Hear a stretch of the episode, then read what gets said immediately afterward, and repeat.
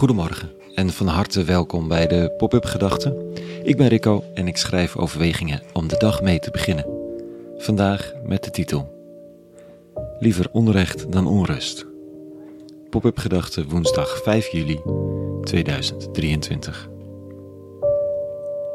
Ja, het is een rare man en zijn politiek is autocratisch. Het is corrupt en onaardig. Maar toch maar op hem stemmen, hè? want ja, wat is het alternatief? Voor Orbán, voor Erdogan, voor mensen als Trump.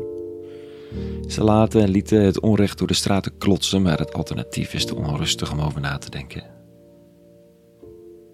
Er wordt veel onrecht getolereerd van machtige mensen, door mensen die gebaat zijn bij een zekere mate van rust.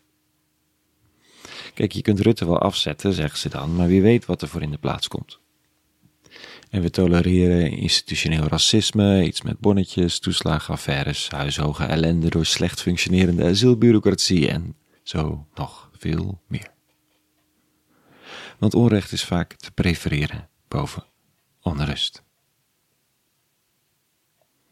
En het is relatief eenvoudig om dat aan te wijzen bij anderen, bij de machtigen. Maar mijn eigen leven kent die trekken natuurlijk ook. Het is prima om even bij de supermarkt een praatje aan te knopen met de dakloze krantverkoper.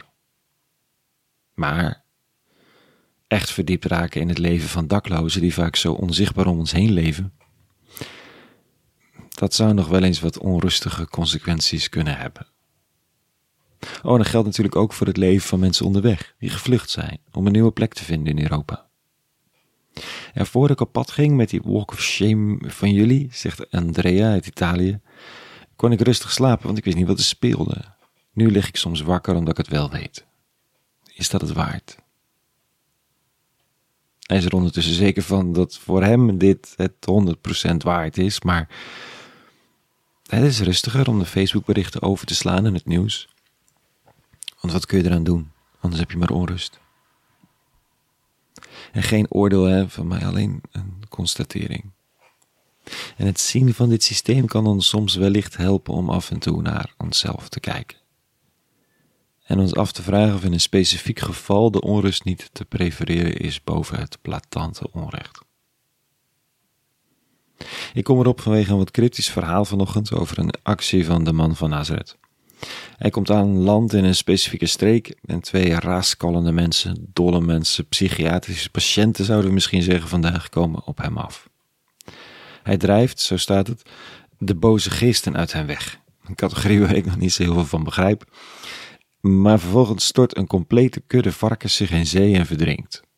De twee mannen zijn genezen, de varkens zijn dood en de streek is onrustig. Dus staat er, de zwijnenhoeders namen de vlucht en in de stad gekomen vertelden ze alles, ook wat er met de bezetenen gebeurd was. Daarop liep de hele stad uit, Jezus tegemoet, en toen ze hem zagen, verzochten zij hem hun streek te verlaten. Meer wordt er niet gezegd. Mijn indruk? De ongelukkige, raaskallende mannen was, om mee te, was nog iets om mee te leven. Je kon er gewoon je zwijnen bij hoeden. Zielig voor hen, maar zo gaan de dingen. Als dan iemand komt die ingrijpt in het onrecht aan die twee mannen, dan is het fijn voor hen, maar die mogelijkheid, die, dat radicale, onverklaarbare goede is ondraaglijk voor de hele streek. En het kost soms een broodwinning, dus vragen ze hem hun streek te verlaten.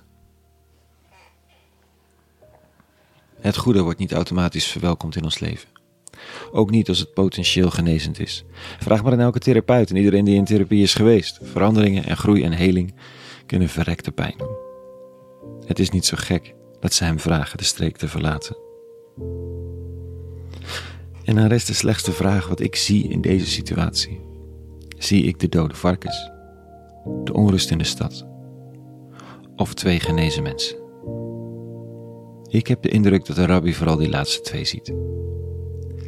Nu ik nog.